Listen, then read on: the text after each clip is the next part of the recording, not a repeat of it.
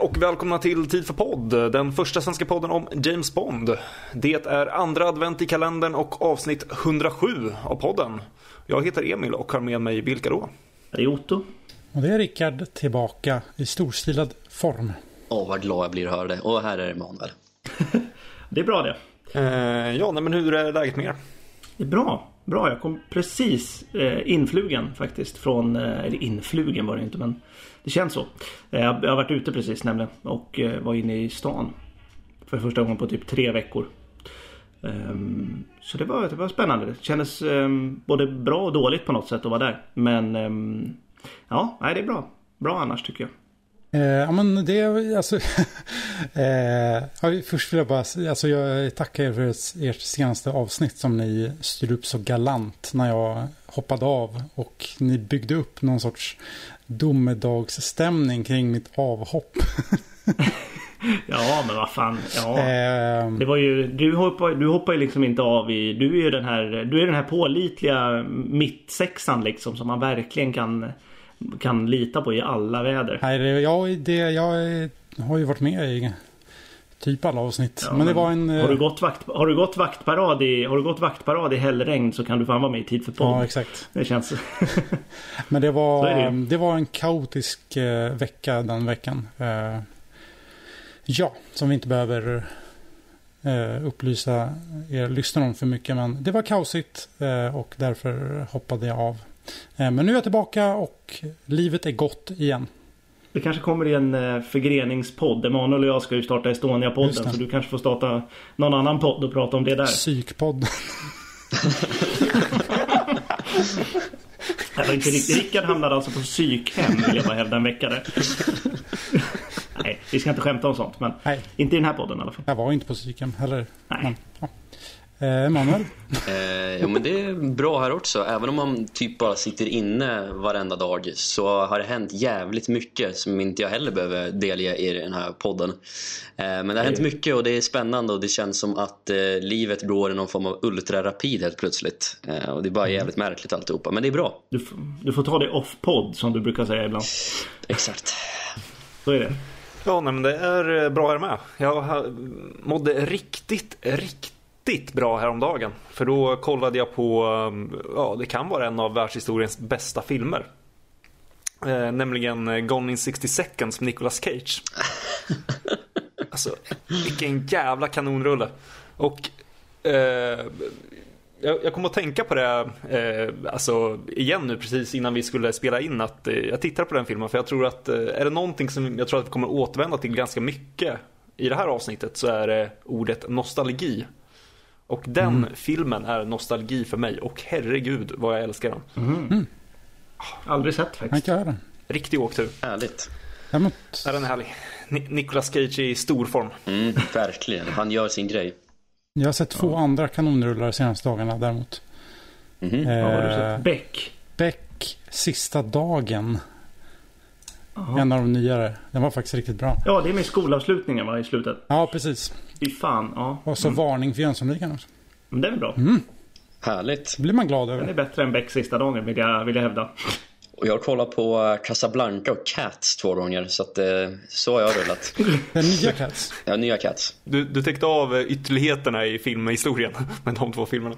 Jajamän. Jag tog något väldigt bra och något väldigt dåligt. Så jag har sett Cats tre gånger nu. What? Kan jag få en recension utförlig? Eller i komprimerat format? Det är en film för oss helt enkelt. Det känns som att vi hade gillat att kolla på den tillsammans. Mm. Den är helt fruktansvärd i sin värdelöshet, men man älskar den lite ändå för det. Den hade gjort sig bra på den där biografen i London som vi var på, kan jag tänka mig. Absolut, den är älskvärdelös. Med en skrattande, skrattande liten knubbig man bakom oss. Ja, ja men så det, mm. titta på den, mm. tycker jag. Underbart. Eh, men eh, innan vi hoppar in i dagens avsnitt så har vi ju en faktutmaning. Och eh, Rickard får väl eh, ta och eh, ja, dra igång sin comeback i den här podden med att dra av en fakta som vi förhoppningsvis inte känner till. Nej, och jag, jag vet inte varför. Jag är lite nervös inför det här. Jag, jag, eh, jag växlar lite vinkel på den här faktautmaningsgrejen. Och närmar sig någonting som kanske är en liten hederlig bullshitometer. Oh. Tillbaka. Så ja. Det var länge sedan man hörde det där. Mm. Det är någonting som jag blev uppmärksammad på av en, en vän häromdagen var det faktiskt. Um, och det är i Casino Royale under pokersekvensen. Jag kan inte påminna mig att vi har pratat om, om det här och jag har aldrig tänkt på det i alla fall. Om vi har pratat om det så har jag helt förträngt det. Men när pokerspelet är slut då slänger ju Bond över ett chip, ett pokerchip till eh, dealen. Som ni nog är medvetna om. Eh, och det roliga är att jag vet inte hur ni ser på det här men i ett sånt här typ av eh, pokerspel när eh, det är en turnering och winner takes all som det är då, då spelar de här chippen inte någon roll egentligen. De är bara där för syns skull. Så frågan är, har filmmakarna gjort en blunder eller är Bond bara jävligt dryg som slänger ett värdelöst chips till dealen? just, det, just det. Både det att det är liksom de, egentligen så finns de ju bara där av ingen anledning, bara för syns skull som du säger. Men också att han ger liksom Steg två i det är ju att han hånfullt ger en, ett chip till dealen. Det har jag inte reflekterat över. Nej, det har jag inte reflekterat Nej. över i alla fall, vill jag säga. Kul, men han, han tackar ja. ju för den. Uh, så det är väl ett uh, misstag. Men han är ju dum i huvudet också då. då. Ja. för det är väl så att, jag menar om man spelar på ett öppet kasino. Då tar man ju mm. chippen mm. och växlar in mot pengar. Men här har ju, det här är ju en sluten turnering så alla har ju redan lagt in sina pengar och chippen är bara där för att hålla koll på ja, hur mycket pengar de olika har kvar att lägga in. Som en poängtavla liksom på ett sätt. Mm. Det är ju Mr Mendell som Pengarna. sitter på, på, på alla pengar. Exakt. Mm. Mm. Vad, ja, vad, det var, vad, intressant tror faktiskt. Den som har gömt sig, ja. gömt sig mitt i ja, plain sight. Tror ni, liksom. Vad tror ni? Är det en blunder eller en blooper eller eh, är Bond bara dryg mot den här dealen som då är någon sorts, han är väl lite, in, lite han är väl kanske också lite kriminell för allt är väl lite undre världen eh, snubbar va, kring bordet. Mm. Har jag tolkat som i alla fall. Alltså jag tror inte jag tror inte att det var medvetet för att uh, göra Bond som ett litet as. Det hade varit roligt. Men, Nej. Det, det, är väl snarare bara en grej som de inte tänkte på. De tyckte väl att det, det ser väl snyggt ut om Bond ger lite dricks. Och så funderar de egentligen inte på om man ja. faktiskt gör det eller inte. Ja, det är i alla fall roligt. För uh, Bond gör ju något liknande i filmen vi pratade om i förra podden. Uh, när han står med Plenty O'Toole i Las Vegas. Då ger han ju henne bara 10 000 dollar i marker och det är chip också. Mm. Det är väl lite liknande antar jag. Men det är ju å andra sidan... Eh, det är ett öppet fake, Det är ju fake-pengar till och med. Som han går in med. Och sen vinner han riktiga pengar. Ja, just det där ja. Det är ju, det är ju Peter, ja, nu, den filmen ska vi inte gå in Just det, fejkade pengar och allt det där kors och tvärs. You wouldn't burn up 50,000 real dollars now would you? Otroligt dålig exakt det de försöker med. Ja, ja jag vet. Ja, nu ska inte tillbaka i Duff gånger två. Kan inte du Rickard köra en bullshitometer på hela Diamonds of Forever? Oh, det tar vi i nästa avsnitt. En minut bara. Ja. Varför finns Diamonds of Forever så kommer bullshitometer-ljudet in? jag tror att vi... Två timmar av det där ljudet. Ja. Jag tror vi kan ha skämtat om det här även i recensionspodden för fem år sedan. Ja, det är möjligt. Men å andra sidan, de blir ju riktiga pengar tror jag. För de tror ju att det är riktiga pengar. Men han ger ju liksom, han växlar in låtsaspengarna och får riktiga marker och sen kan han ta ut riktiga pengar. Så hon får ju 10 000 riktiga dollar men sen dör hon ju så att det är tråkigt, tråkigt för henne. Mm. Ja. ja. Vad ska vi prata om idag då Emil? Uh, ja, vad ska vi prata om idag? Eh, det blir som en fortsättning på eh, förra veckans avsnitt fast tvärtom. Då försökte vi lyfta fram det positiva i en ja, ganska utskälld film och nu så ska vi ja, försöka ta ner en film på jorden som vi sa. Och eh, kanske prata om varför vi inte har eh, fastnat för en eh, viss liten film i nutiden. Mm. Där blir det tid för sekter och dubbla antiklimax. Passar väldigt bra, en film som eh, vi ska ta ner på jorden i samband med att det här, eh, vad det nu heter, Paramaramaribo, i, vad heter det? Teleskopet kraschade för någon vecka sedan också. Mm. Just det. Ja, de skulle decommission hela anläggningen. Mm. Så det ska ju stängas ner. Paramaramaribo är ju för övrigt någon ja. jävla huvudstad i Guyana. Men det var det närmaste jag kunde hitta. Förlåt. Men ligger på Puerto Rico va? Mm. Ja, det kanske det gör. Eh, ja, du menar teleskopet ja. Mm. ja. och då för de som ännu inte har förstått det så är det såklart Goldeneye vi ska prata om. Denna så hyllade och omtyckta film. Ja. Eh, och eh, ja, vi kan väl egentligen börja med det som ingång. Varför vill vi prata om Goldeneye? vill vi det? Egentligen. Nej, alltså jag var mer sugen på att prata om Diamonds of Forever egentligen och det var väl där idén föddes och där kom ju du Emil med idén också som en, som vidare, vidare tänk på den podden att ja, men då kan vi lika gärna ta ner en film som alla gillar. Jag menar, Goldeneye är en film jag känner extremt, extremt lite för. Alltså som jag sa till er innan, jag har inte sett filmen som vi poddade om den och det är den enda Bond-film jag inte har sett sedan dess. Inte ens inför den här podden kunde jag ens få energin av att kolla på Goldeneye. Så det blir intressant att prata om den. Ja, Goldeneye är ju onekligen inte en film man går ut med svettigt med stånd i alla fall. Det är långt ifrån. Så är det ju. Det är ju det är verkligen inte den typen av film i alla fall. Nej, nej. Ja, just det. Nej, Brosnan gjorde nog inte. heller. Nej men den här filmen har jag ju eh, Den här filmen har jag ju Lite som du Emanuel. Jag har liksom Jag har aldrig riktigt känt så mycket för själva filmen egentligen. Jag, Visst jag har tyckt att den har varit eh, Den bästa Brosnan-filmen och kanske tycker det fortfarande. Men um, Nej det, det, har liksom Den har liksom aldrig uh, Taken off liksom som Den har gjort för många andra Inklusive min bror till exempel. Eh, Eh, som är, har spelat spelet och, och mycket sånt och är 80-talist. Så han var väl liksom impad av Brosnan när han kom och var Bond. Men eh, jag, jag är lite som du Emanuel tror jag. Kanske inte riktigt lika lik, likgiltig till eh, filmen. Men jag känner hyfsat lite för den. Men jag är väl liknande där att jag känner också väldigt lite för den här filmen. Och det är ju en av de filmerna som Ja, men så, där man känner sig lite frånkopplad från eh, dels bo, både hur allmänheten ser på filmen där den är väldigt omtyckt men också även inom Bondkretsar så är det ju en film som många håller väldigt, väldigt högt. Och det som man alltid känt sig lite vid sidan av där, att så här, vad, vad är det med filmen som alla tycker om? För jag, jag, själv går inte riktigt igång på den. Eh, jag har ungefär samma känsla fast inte, på, inte lika extremt i förhållande till The Spy Who Loved Me. Som så här, ja men jag tycker det är en bra film men jag tycker inte ens att, ens att det är Moores bästa film. Och det är en film som jättemånga älskar. Ja, du Otto då bland annat som har haft den som bästa Bondfilm under långa perioder. Och man har ju ett par sådana filmer som är så här, vad är det folk ser, vad, vad, är storheten i dem? Och framförallt då kanske Goldeneye är en sån film som jag har känt så väldigt, väldigt länge. Men att jag, jag ser inte storheten i den.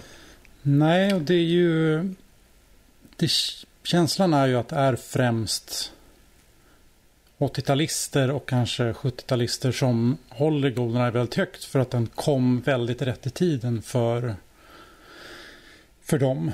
Eh, och jag, det här blir en speciell podd för mig för att jag lutar ju mer åt det positiva hållet.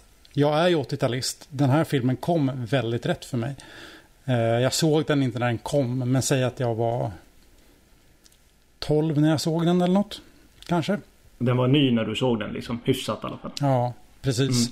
Mm. Eh, och jag spelade ju Goldeneye till Nintendo när det var nytt också. Eh, så att det här mm. ligger ju liksom... Jag vet ju liksom alla mina kompisar som är också är 80-talister. Den här filmen har ett otroligt starkt liksom, följe. Den är nästan, jag skulle säga att den nästan är kultförklarad bland icke-Bond-fans som är 80-talister. Ja, det tror jag absolut. Och det tror jag också faktiskt. Mm. Och jag vet inte, så långt skulle inte jag gå. Men det är fortfarande för mig den stora Bond-filmen från den här eran. Som visserligen är liksom ganska kort eftersom det bara kom... Brosnan gjorde ju bara fyra filmer. Och det var lite hål innan och hål efter. Mm. Men eh, för mig har den fortfarande en liten speciell särställning. Och det är ju, när du säger att Emanuel att du inte sett den en enda gång sedan vi recenserade den 2016 eller 15 till och med. Nej, vi började ju 2016 Fan. så det blir svårt. Ja, det det faktiskt. eh, så har jag, tror jag, sett den tre gånger sedan dess. Ja, jag har väl sett den i maratonet inför No Time To Die. Men samma här, det är ju inte en film jag slår på speciellt ofta. Det är inte en film som jag blir sugen på att se speciellt ofta. Nej, jag har sett den en gång också. Så det är, det är min mm, Så det här blir ju en speciell podd för mig. Jag ska försöka ta ner en film på jorden som jag egentligen är ganska positiv till. jag ska göra mitt bästa. Men det, intre, det intressanta med den är ju eh, liksom, eller med följet om det. De är ju väldigt, väldigt liksom trogna den på något sätt. Det känns som att det här är Bond-serien Star Wars-fans som håller på den här filmen liksom. Och de är liksom Faktiskt. väldigt så här, eh, ja men väldigt fansiga av den. Dels för att spelet spelas och filmen och folk, jag tror att folk slänger sig med den här filmen väldigt enkelt. Och låten är så jävla bra och allt är så bra. Och Brosnan är bra. Och han var en ny modern Bond. Och, ja, mycket sånt som slängs med. Och folk säger ofta Goldeneye som en av de bästa filmerna för att de kanske tycker det eller för att de bara hört Goldeneye. Men det är ju den där jävla Goldeneye-sekten alltså. De har ju mm. helt, de har ju druckit ja, allt, allt Kool-Aid som existerar i hela världen. ja. Snart åker de till Pinewood och eh, tar kollektivt självmord. Man får ju också tänka på det att Agent 007.nu och Thomas sida och allt det, det är ju liksom, den är ju född ur som en motreaktion mot Goldeneye. Och i förlängningen liksom Casino Real-forumet och allt det där. För jag menar, även idag, jag, menar, jag kan förstå Thomas Drudd när han satt där 95-96 och tittade på filmen och tyckte den var ja, okej. Okay. Han var väl, tyckte väl i och för sig inte den var okej. Okay. Men eh, liksom titta på den och bara, jaha, varför älskar alla den här filmen? Och jag kan tycka det är lite liknande än idag för när Casino Real kom och även när Skyfall kom så minns jag att jag tänkte att ja, men det här kommer vara liksom nya Goldeneye. Men när åren har gått så har man insett att Goldeneye har en särställning gentemot Skyfall och Casino Real. Även om folk kanske tycker att de två är bättre filmer så är Goldeneye Alltså nämner man Goldeneye kan man se på vissa personer att de, deras ansikte bara lyses upp. De blir helt varma i hela själen. Det är alltså nostalgi. Mm. Till exempel Brosnan. Ja, särskilt. Om man nämner Goldeneye för honom så blir Ja, men exakt. lyser han upp. Men det är så tydligt att nostalgi är så väldigt starkt i det här sammanhanget. För det betyder så mycket för så många människor och det kan man inte underskatta. Men när man inte var med när den kom och allt det där så är det så svårt att komma in i den i efterhand liksom. Ja, nu kan ni ju ta en klunk på det ni dricker för Manuel sa precis nostalgi så att Men jag, jag, tror att det, det ligger mycket i det du säger Emanuel att det är liksom en nostalgisk eh, För Du och jag och Emil för den delen är ju för unga för att liksom ha varit med när den kom. Det är ju inte som Skyfall var för oss kanske utan så vi har ju inte den där nostalgiska, i alla fall inte jag, den där nostalgiska vyn på det hela. Utan jag har ju sett den i efterhand. Så det, för mig är det ju som en Bondfilm som vilken annan. Medan Skyfall har mycket mer nostalgi för mig. Jag skulle väl säga att eh, i alla fall min uppväxt präglades väl väldigt mycket av svallvågorna efter. Alltså, eh, om man säger så här, eh, tv-spelet kom ju inte samma år som filmen, så det tog ju ett par år. Mm. Och eh, så jag växte upp någon form i liksom tv-spelshypen eh, och liksom alla tittade på filmen. Man hyrde den eller ägde den på VHS och det var liksom så här. Jag, jag kom upp i svallvågorna kan man väl säga. Mm. Eller i, snarare i tv-spelshypen. Men jag är ju man är ju för ung för att kunna minnas någonting av när den kom. Exakt, i kölvattnet av Goldeneye kan man väl säga. Ja, precis. Det, det tycker jag är intressant ändå, även om jag liksom Först när jag såg Goldeneye måste ha varit typ 2005 eller 2006 och det är ändå 10-11 år efter att den kom. Så var det alltid kompisar i min ålder som hade Goldeneye på VHS hemma. Det fanns ju alltid någon som hade, men antingen spelet eller filmen. Och, och ofta liksom den bara låg framme eller liksom, var som nära till hands liksom. För den har ju varit väldigt... Ja, det är ju ett omslag som man har sett mest nästan. Ja, absolut. Det, det... det här med elden och Skorupko och och Famke Jensen på. Liksom. Ja, och lilla Brosnan i det hörnet som springer med explosionen. Var coolt. Ja, jag vet. Fate, vad fan heter den? Fate, det är någonting på de här orden som är Fate, Lies och någonting ja. till. Ja, det är någonting. Skitsamma. Men jag tycker att man börjar se i folks ögon nu eh, samma, samma liksom, typ av uttryck när man nämner Casino Royale. Eh, den jag, även om Goldeneye fortfarande är ett stort liksom, följe Eh, så tycker att man får större reaktioner för tiden av Casino Royale.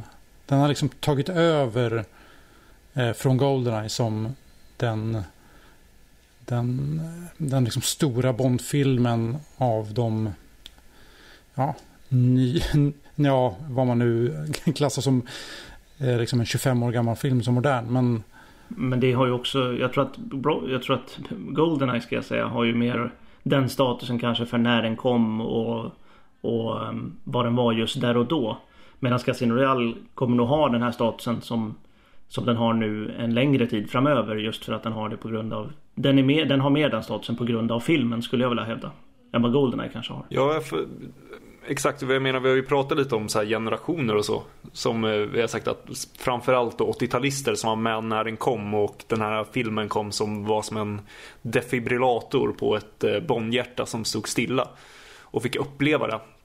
Att eh, Casino Real kanske inte är lika generationsbunden på det här sättet. Den kanske är lättare att återupptäcka eh, eller nyupptäcka senare för den delen. Även för framtida generationer. Ja, alltså jag vet inte, det är ju sånt där är ju svårt att säga men Casino Royale på något sätt är ju en, en objektivt bättre gjord film.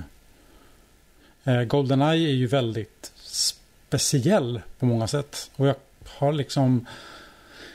Jag kan förstå att man kan ha lite svårt för den. För den... Det är det som är märkligt för att den sticker lite ut som Bondfilm betraktat om man jämför den med resten av serien, nästan hela resten av serien, så har den en helt annan känsla och ton. Eh, och då är det så märkligt att det är just den filmen som liksom fick definiera en ny tid med Bondfilmer. Men vad tror vi gör att just eh, en film som Goldeneye etablerar sig så kraftigt då? Är, det, eller är liksom svaret så enkelt som att den bara, det hade varit ett stort uppehåll, den gjorde någonting nytt och det fanns ett tv-spel?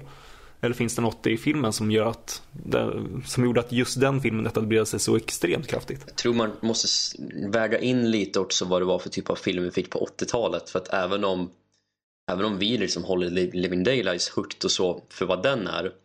Så tror jag att man för gemene man såg att Bond-serien var lite på dekis under nästan tio år. Men ingen av 80-talsfilmerna har väl ett särskilt stort arv idag. Och det märktes ju också på de sviktande eh, publiksiffrorna också under 80-talet. Och när väl Goldeneye kom och verkligen etablerade sig framkant det året och verkligen var någonting helt nytt och fräscht så för många var det säkert så att det här är som första riktiga Bondfilmen på väldigt, väldigt länge och inte bara sen License to Kill utan kanske ännu längre tillbaka. Vissa kanske var tillbaka sen Roger Moore och för vissa kanske var tillbaka sen Moonraker Spy Loved Me. Så jag tror det fångade upp en väldigt stor önskan om att Bond skulle bli traditionell och storslagen och lite roligare igen. Så det känns som att folk bara gick och byggde upp och väntade på att den här filmen skulle komma och den lyckades komma och infria alla luften. Det var ju mer eskapism i den här än vad det hade varit i både, båda Daltons filmer i alla fall skulle jag vilja hävda. Um, och det, ja, jo men det, och just uppehåll, uppehållet gör nog ganska mycket tror jag men det är nog inte hela svaret på frågan. Nej, och en sak som, som jag såklart inte, eller ingen av oss kan eh, riktigt eh, veta. Men jag har läst någonstans att vi kanske till och med pratade om det i, vi gjorde väl något PR-avsnitt för några år sedan. Att både Goldeneye och Mission Impossible 1 som kom året efter hade mm. liksom en helt ny typ av sätt att göra trailers och göra PR för filmer. Just eh, vilket ju också mm. kan vara sån, sån som man kanske inte, vad ska jag säga, inte kanske ska underskatta det. Att Goldeneye kanske var en av de första filmerna som testade ett nytt sätt att presentera trailers och PR på. Eh, vilket gjorde att filmen kanske fick ett större genomslag än vad den hade fått om den hade använt. För jag menar, PR till License to Kill var ju inte mycket att ha. Liksom. de gjorde väl inte särskilt mycket PR för den av någon anledning. De gjorde väl en trailer som mm. de alltid gjorde typ. Lite ja. tv-spottar typ. Men det var ju inget Goldeneye att Dalton gick fram mot kameran och sa The name's Bond, you know the rest. Det var ju... Det hade han inte bottnat i heller kanske men... Men det är väl också det att ibland står stjärnorna bara rätt och jag tror det finns många faktorer. Jag tror ja. absolut det med hur trailern var, marknadsföringen och bara det, men en sån liten detalj men som att Bond är i Ryssland gör mycket och att det är en ny skådespelare och så vidare och så vidare. Så att jag tror att väldigt många faktorer gjorde att Goldeneye typ inte kunde misslyckas när den kom. Nej, alltså jag tror inte man ska underskatta det där med skådisen alltså. Varje skådis, det har vi varit inne på hundra gånger säkert, men varje skådis har ju verkligen varit rätt i tiden. Oavsett vad man tycker om Roger Moore. Eller om Sean Connery eller eh, Lazenby eller vem man nu kan säga. Så Brosnan på 90-talet var ju liksom the shit där och då. Och eh, alla som liksom, i alla fall många som gillar Goldeneye gillar ju också Brosnan. Eh, så det är just Brosnan hade ju, alltså man kan inte förneka att huvudrollsinnehavaren i den här extremt stora filmen ändå har stor del i framgången också såklart. Ja men alltså jag som inte är ett så stort fan av Pierce Brosnan, det är ju fortfarande svårt att tänka sig någon bättre skådis där och då som hade kunnat bära 90-talet på sina axlar på det här sättet som Brosnan gjorde. Han var ju verkligen helt rätt för vart Bond är på väg, vad, vad de ville göra och ja men, ja men ta sig an 90-talet. Och en, ja, millennieskiftet och allt liksom, hela grejen. Men eh, har Goldeneye samma typ av följ i Bondvärlden enligt oss? Jag skulle nog ändå säga att den har det ganska mycket. Även om det kanske också är, liksom, följer en generationsfråga även såklart bland Bondfans så skulle jag säga att den, den står sig ganska starkt i, eh, i Bondvärlden av massa skäl, men nostalgiskäl och liknande. Och att den ofta letar sig upp ganska högt upp på rankingar. Det skulle jag definitivt hävda. Alltså det är ju ingen vad jag har sett som har den som den sämsta Brosnan-filmen. Det är väldigt få. Nu, kan, nu är det ju kanske för att Brosnan har den sämsta filmen i hela serien. Och den näst sämsta. Men, eh, nej kanske inte den näst sämsta. Men ja, i alla fall. Den är liksom, den är, den är ju väldigt liksom Den är ju väldigt högt upp som du säger. Eh, ja men ja, nej jag tycker inte den, jag tycker inte det skiljer så mycket mellan gemene man och Bond, Bond-fans. I synen på Goldeneye, absolut inte. Nej, gemene man tycker jag med kanske har lite mer respekt för Goldeneye än vad liksom ja, Bond-fansen som klunga har. Eh, men om man ska liksom försöka sig på någon liten halvdan spaning så tycker jag mig väl i alla fall märka att Tomorrow Never Dies har gjort en liten eh, uppryckning på senare tid. Den tycker jag man ser lite högre upp på listor. Det pratas lite mer om den. Eh, att den börjar, ja, kanske jämna ut lite eh, mot Goldeneyes tidigare försprång. Och jag som inte är Goldeneyes största fan är ju väldigt glada. För jag tycker att eh, Tomorrow Never Dies är den bästa Pierce Brosnan-filmen. Ja men exakt. Eh, jag tror att innan man pratar om Bond-fans syn på Goldeneye också så är det ju att då har man ju kontextet också. Du kan jämföra det med tre andra filmer som i varierande grad blir sämre och sämre. Hur man än vill ranka dem. Eh, och jag tror som du sa Rickard, jag tror Tomorrow Never Dies har rest det. och jag tror framförallt att The World's Not Enough har fått en hel del skit också de senaste tio åren. För jag minns när jag började gilla Bond så var ju många ansåg att The World's Not var en bra film. Men alltså om man kollar på listor nu så brukar den ju husera någonstans i botten 7-8 för de allra flesta. Så jag tror Brosnan-filmerna ju mer tid passerar etableras i någon form av kanon. Och där tror jag att Goldeneye står sig fortfarande ganska starkt men att men att eh, Tomorrow Never Dies då framförallt jagar kanske mest. För att den av olika anledningar. Det där är faktiskt intressant för det har inte jag tänkt på. Men nu, när, nu ska vi inte göra en The World's Not Enough, eh, ett The World's Not Enough avsnitt för det har vi gjort tillräckligt. Men att den också liksom så här, gått och etablerat sig som någon form av allmän spottkopp på ett sätt som jag inte tyckte att, tycker att den har varit tidigare. Nej, faktiskt. Det har, det har blivit som att lite Goldeneye och Tomorrow Never Dies har porrats ihop som en ändå ganska stark liksom filmduo mot The Was Not Enough och Die Another Day som har liksom som inte är det. sjunkit. Nej, precis. Men för det tror jag väl vi alla är väl eniga om att de två första Brosnan-filmerna är ju klart bättre. För även om jag känner mig väldigt likgiltig till Goldeneye så slår jag ju på Goldeneye varje dag i veckan hellre än Well Not Enough och Die Another Day. Nu har jag i och för sig inte gjort det på fyra år men ändå. så nu säger jag emot mig själv. Ja, alltså, jag, har ju, jag har ju sagt det, sett World som Traff minst fem gånger fler gånger. Fem gånger så många gånger. Jag har sett den mycket, mycket fler gånger. Fem myror är fler än fyra elefanter. De, de senaste, senaste ja. åren. Ja, jag är trött. Nej, men jag, jag är helt enig med... Um, jag, alltså, min, min hjärna säger nog att Gold, Goldeneye, jag tänkte säga Goldfinger först, men Goldeneye och Tomorrow Never Dies är, är liksom en bättre, är de två bästa Brosnan-filmerna. Men eller Tomorrow Never Dies har ju sjunkit för mig senaste gången jag har sett den. Varje gång jag har sett den. Med en halv poäng eller ett poäng vid varje tittning. Så den är ju på väg ner för mig. Men um, jag vet inte. Det gör ju bara att Goldeneye cementerar sig ännu mer som den bästa Brosnan-filmen. För de andra två kommer inte tiga på ett bra tag i alla fall. fina, fina Tomorrow Never Dies. Varför kan vi inte prata om den istället? Ja. Men vi ska ta och prata om eh, Goldeneye så vi kanske ska, ska hoppa in i filmen istället. Vad är det som gör att filmen inte flyger? Vad, vad, vad är det som gör att vi känner att vi måste ta ner Goldeneye-sekten på jorden? Alltså, ja, det är så svårt för att tittar man på bara filmen rent objektivt finns det inte så jättemycket att, i min värld att ta ner utan jag vill mest ta ner fansen. Faktiskt. ja, det är ju inga, det är, det är inga jätteplatta fall i liksom filmen som det finns bottennapp som Mojito-scenen i Die Another Day eller hela Diamonds till exempel.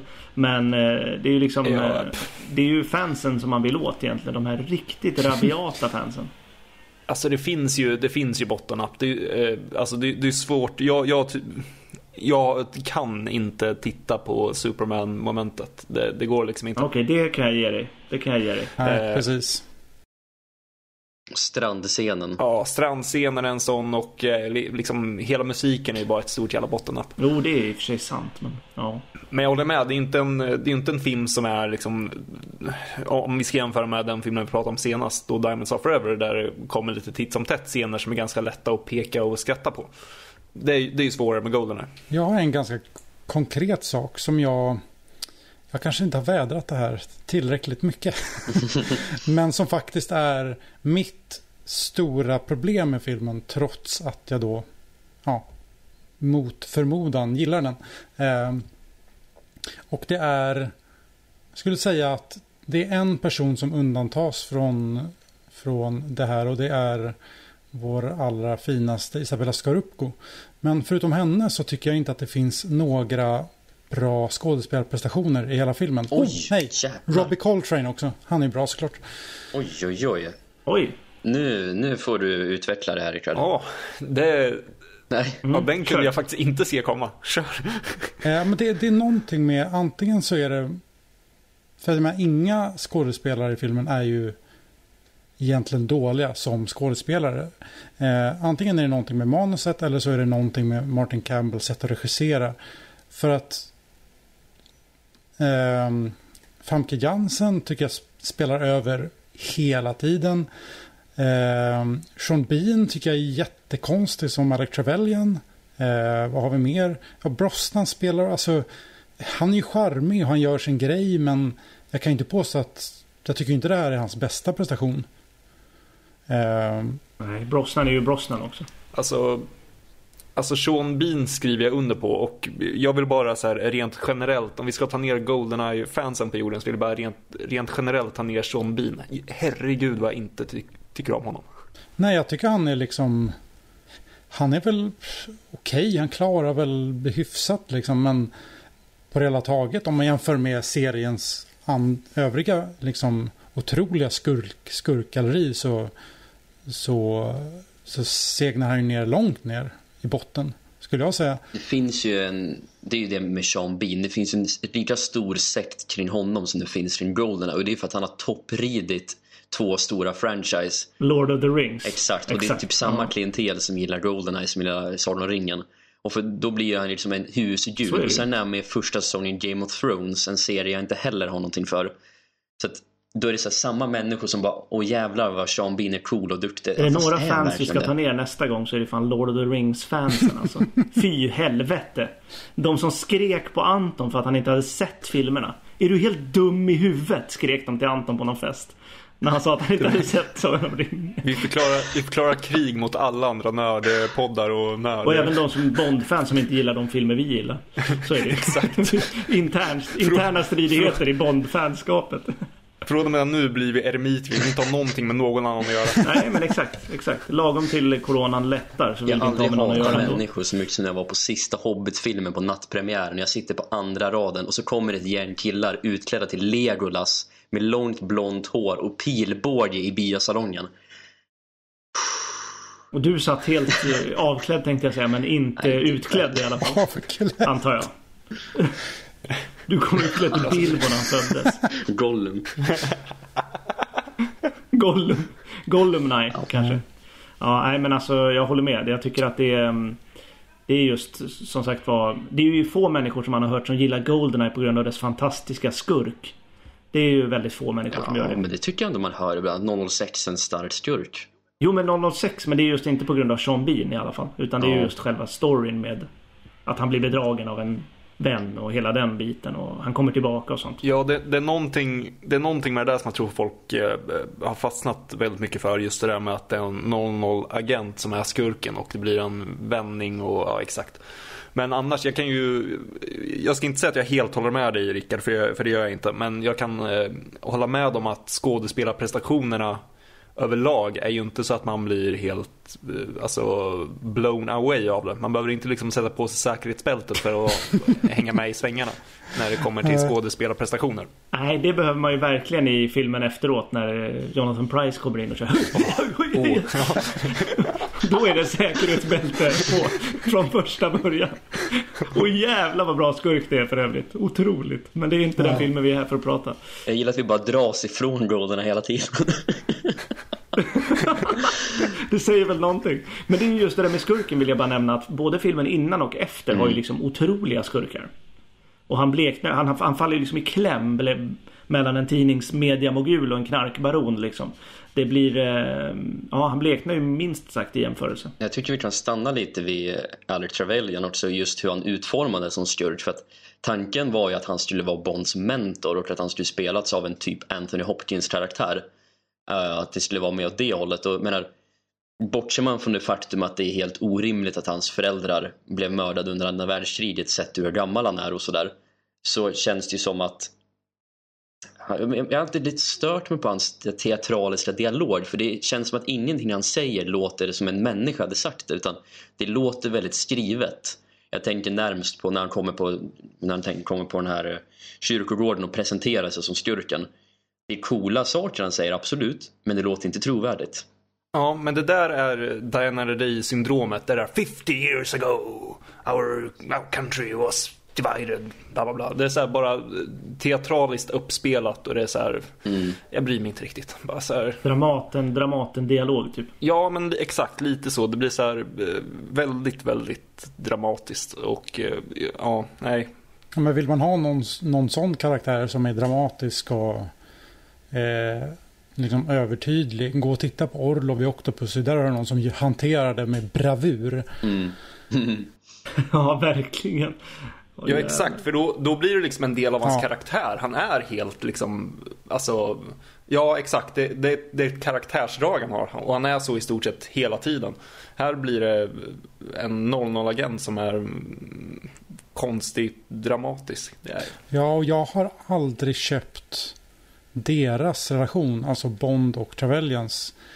Att liksom att Bond ska känna sig sviken. Alltså, det enda vi vet är att nej, de har utfört ett uppdrag i eh, inledningen. Precis. Tre Som minuter. går snett. Sen vet vi inget mer. Och sen, och sen ska det vara liksom For England James, No for me. Och det ska bli någon sorts drama dem emellan. Det, det flyger ju inte liksom inte, inte på någon inte alls helt enkelt. Jag blev upprörd nu. Ja men verkligen, det är bra. Vi ska få igång Rickard. Men eh, det känns som att den, här- den eh, liksom För att jag i alla fall skulle känna att det var Åh jävlar, nu är the stakes have gone up. Då skulle jag behöva det i mer än liksom Fem minuter eller vad det är i början. Då skulle man ju behövt det typ halva filmen. Eller en hel film och sen ha gjort två filmer av det eller någonting. Som skulle, då skulle man fått mer impact av det när det väl händer. Men nu är det mera så här, jaha det var han från början, okej. Ja han ska tydligen vara kompis med Jaha okej, ja, ja. Jag likgiltig liksom. Och sen, jag vill säga en sak till då också om hela hans liksom backstory och varför han ja, men ska, eh, ska ut på någon form av hämndaktion.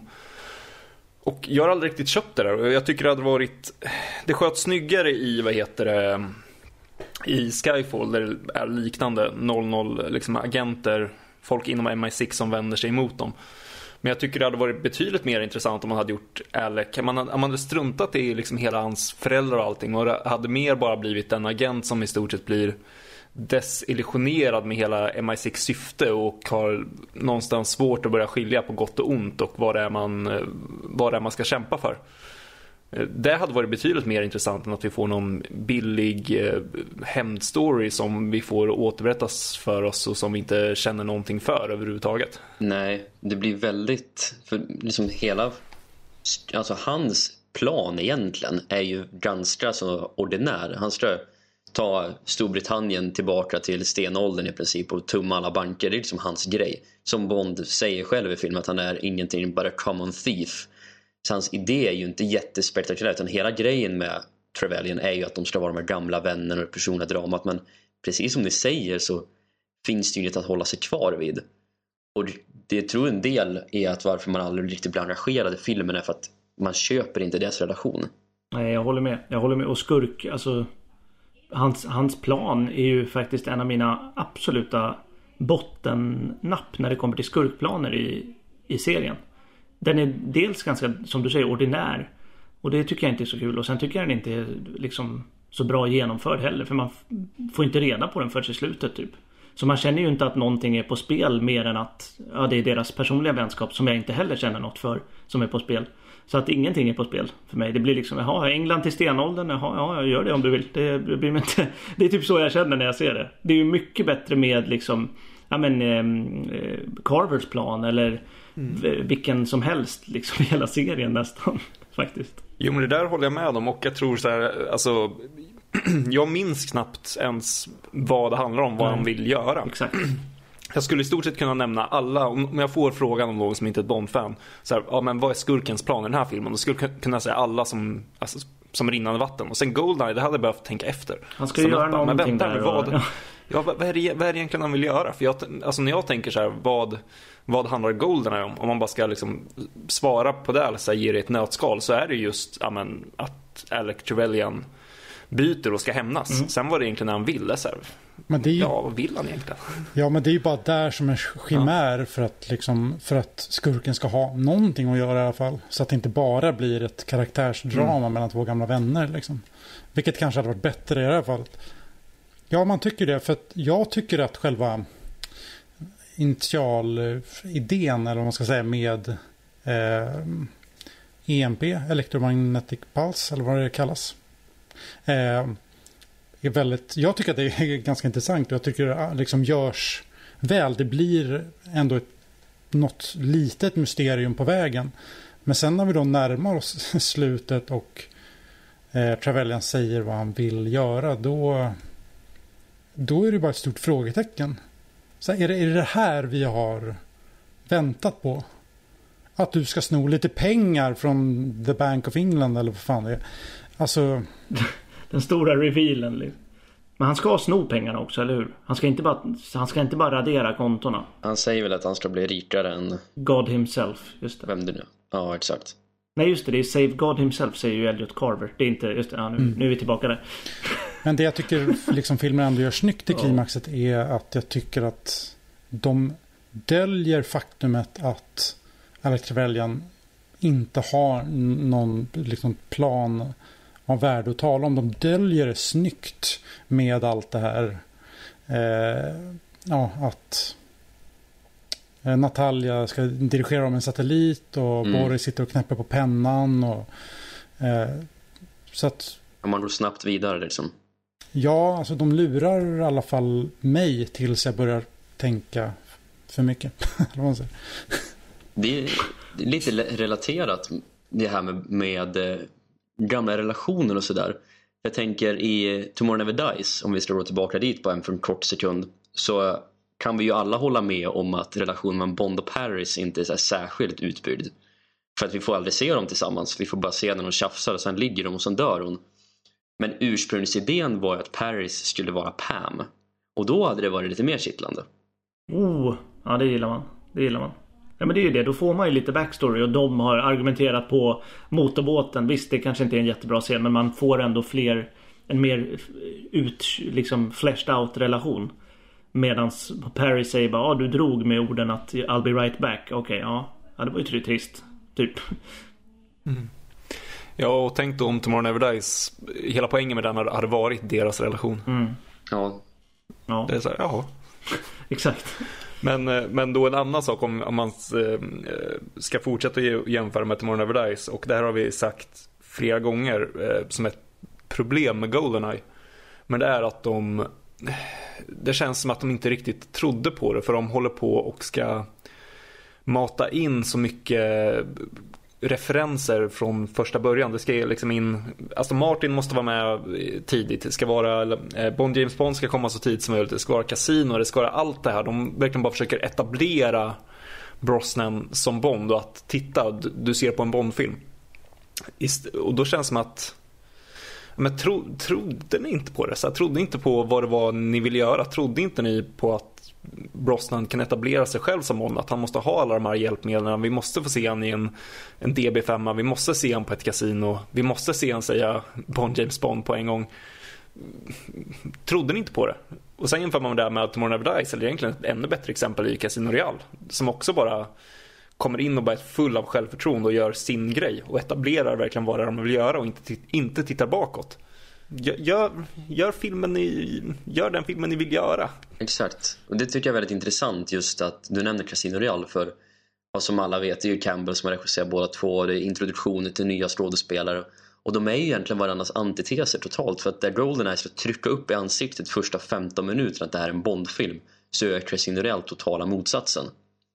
Och där Goldeneye ibland saknar självförtroende så har ju Casino Royale jättemycket självförtroende och där du får Bond James Bond i början av Goldeneye så får du i slutet. Du har inget Bond-tema i Casino Royale förrän i slutet och du har det ja, ganska tidigt i Goldeneye och så vidare och så vidare. Så att de är ju motpolerna. Och att det är samma regissör som har gjort det, det tycker jag är väldigt fascinerande. Ja, just det. Det glömmer man bort ibland. Ja. Men det känns som att det här var... Det känns som att Goldeneye och, och Casino Royale är ju liksom... I, I Goldeneye ska ju fenomenet Bond återintroduceras. Men i Casino Royale ska ju karaktären Bond återintroduceras. Ja, väldigt bra sagt. Det är ju en väldigt väsentlig skillnad. Ja, och för mig när jag ser på Goldeneye så känner jag bara att allt det där kommer bara i vägen mm, för filmen. Exakt. Det är så här, bort, bort, jag vill se filmen, bort med er, bort, bort, bort med DB5, bort med, fan. Det är väldigt mycket, väldigt mycket så här, eh, ni vet uppblåsbara ballongform, eh, formdjur typ. Så här, åh här är en ballongelefant, ja men här är ballong gun barrel, här är, de är i vägen, bara bort med er. Man vill liksom bara skjuta ner ballongerna för att man inte ser filmen för ballongjävlarna typ. Men det, det, det ligger något väldigt mycket det som Emil säger. Eh, däremot så, jag, jag tycker ju att jag ser en, en pre-title-sekvens med otrolig självförtroende. Alltså den, det är, jag är ledsen att säga det. nej men, nej, men det är fortfarande en av mina favorit eh, eh, pre-titles. Eh, av massa olika anledningar. Till trots en, ett väldigt konstigt Superman-avslut. Men och sen kommer eh, en titelsekvens med en Kleinman som också direkt känns på något sätt hemma och en, bara Tina Turner som för mig också känns självklar med en låt. Som är topp ett överskattade låtar i uh, filmserien. Men fortsätt för all del. Jag tycker fortfarande att det är en, en, en, riktigt bra låt och passade bra in just där och då. Men sen, så för mig så kommer det här som du pratar om Emil, att allting bara raseras direkt. Det är liksom en jättekonstig biljakt med jättekonstig dialog mellan Brosnan och vad hon nu heter. Den här utvärderings... Caroline. Caroline. Och sen en jättekonstig kasinoscen och Brosnan går runt och ser pojkaktigt osäker ut. Och det, det levereras dialoger ja, som... Jag vet ja, inte, fina Brosnan. Jag fattar, jag fattar inte vad liksom... Det var den första smaken vi fick på att han var oskuld. så var det. Ja men det där är så frustrerande för det är just den filmen som är i pre-titeln och som, eh, som liksom när man kommer in i filmen man bara åh tack nu jävlar nu kör ni oj vad mycket självförtroende ni har och sen blir det bara pispunka så man sitter där och kollar pre-titeln och sen efter sju minuter så undrar man, vänta vad, vad hände med filmen jag såg för sju minuter sedan? Kan jag, kan jag se fortsättningen på den? Ja, och jag tror det där ligger kanske till varför vi har svårt för Goldeneye någonstans är för att Goldeneye är ju så väldigt mycket den allmänna biopublikens bild av vad en Bondfilm ska vara och det är mycket för att de trycker upp allting i ansiktet på oss. Så är man ett casual fan eller knappt ett fan utan bara ser en Bondfilm någon gång då och då så är ju Goldeneye Bondfilmernas Bondfilm. Vi pratade ju lite om det i förra avsnittet att Secret Service och Diamonds of Forever är lite, ja, de går lite hit och dit för att folk bryr sig inte. Det är en Bondfilm bara. Så länge man har vissa kriterier så kan man titta på filmen och då är det okej. Okay. Och jag tror Goldeneye är en väldigt stor del utav det också. Ehm, och när man är Bond-fan och liksom har mer koll och sådär så kan de där momenten bli lite mer irriterande. Jo, men jag håller med. Jag vill, jag vill bara, inte för att liksom gå tillbaka till Tomorrow Never Dies, men den, den filmen känns ju för övrigt som en film som öppnar med otroligt självförtroende. Och fortsätter efter titelsekvensen. Med uh, The Sinking of Devonshire och sen så mötet i bilen när de sladdar runt på gatorna i London. Och Bond-temat, den har ju otroligt mycket mer. Det är ju ingen pyspunka där inte. Nej. Ja. Det är en jävla skillnad liksom. Den är sin egen film. Och här får vi en, uh, mm. och här får vi en film som ska reflektera över Bond. Ja, men precis. Nej, det blir ju... Um, ja, nej, det, jag, jag håller med. Det är ju liksom väldigt mycket så. Um, den saktar ju ner något enormt efter titelsekvensen. Vilket är okej, men den, den gör det ju på fel sätt här tycker jag. En sak jag har tänkt på också med Goldeneye är att det känns som att det är väldigt mycket i den här filmen som utspelas inomhus. Har ni tänkt på det också? Det är, man ser väldigt få vidder eller utomhusmiljöer överhuvudtaget och jag vet inte om det är mer eller mindre än i någon annan Bondfilm. Det är bara att det bara känns som att de är väldigt mycket inomhus i trånga, rökiga rum. Ja, de är ju väldigt mycket ut. Alltså det känns som att jag vet att det inte är så, men det känns som att när vi kommer till Sankt Petersburg så känns det som att det är de första utomhusscenerna i hela filmen. Mm. Man känner sig oh, lite frisk luft, trevligt typ. Men eh, så är det ju inte. Men det känns som att även utomhusmiljöerna känns inomhus. Ja, och det görs egentligen bara sämre av att många av kulisserna verkligen känns som kulisser för att fotot inte gör det någon, någon tjänst. Det är ganska grått också i filmen överlag. Det enda som är lite färggrant är ju typ när Jack Wade kommer in. Eh, både karaktärsmässigt färggrant och, och färgmässigt. Men just mm. liksom Kuba-scenerna och Puerto Rico-scenerna. Så ehm, ja det, ja, det hjälps ju inte av sitt gråa grå, sin gråa liksom, scenografi på något sätt. Oh, det stör jag mig på när de, är, när de är på Kuba och när de sitter på stranden där och första shotet man ser solnedgången och man ser Bond i förgrunden och stranden och allt där. Det ser ut som Flemings villa typ, eller Flemings strand. Ja, men de har ju de har ju digitalt restaurerat den där det där shotet sen på Ultimate och Blu-ray-utgåvorna så det ser ju annorlunda ut. Så varför går de tillbaka och ändrar färgskalan på något sånt? Det kan jag störa mig på något otroligt.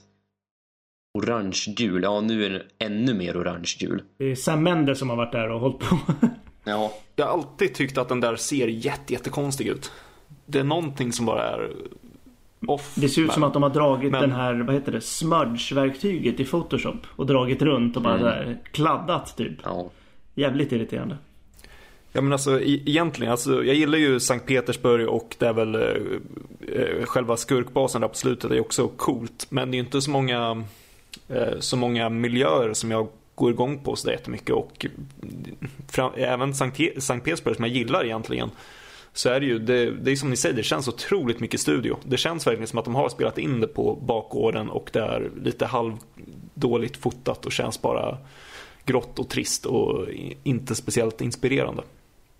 Till skillnad från, eh, nu, nu är inte det ett speciellt eh, en film man kanske ska titta på för att bli inspirerad av bra foto. Men om man ska jämföra hur Bratislava framställs i vad heter det, The Living Daylight så känns det ju faktiskt som att man är i en stad.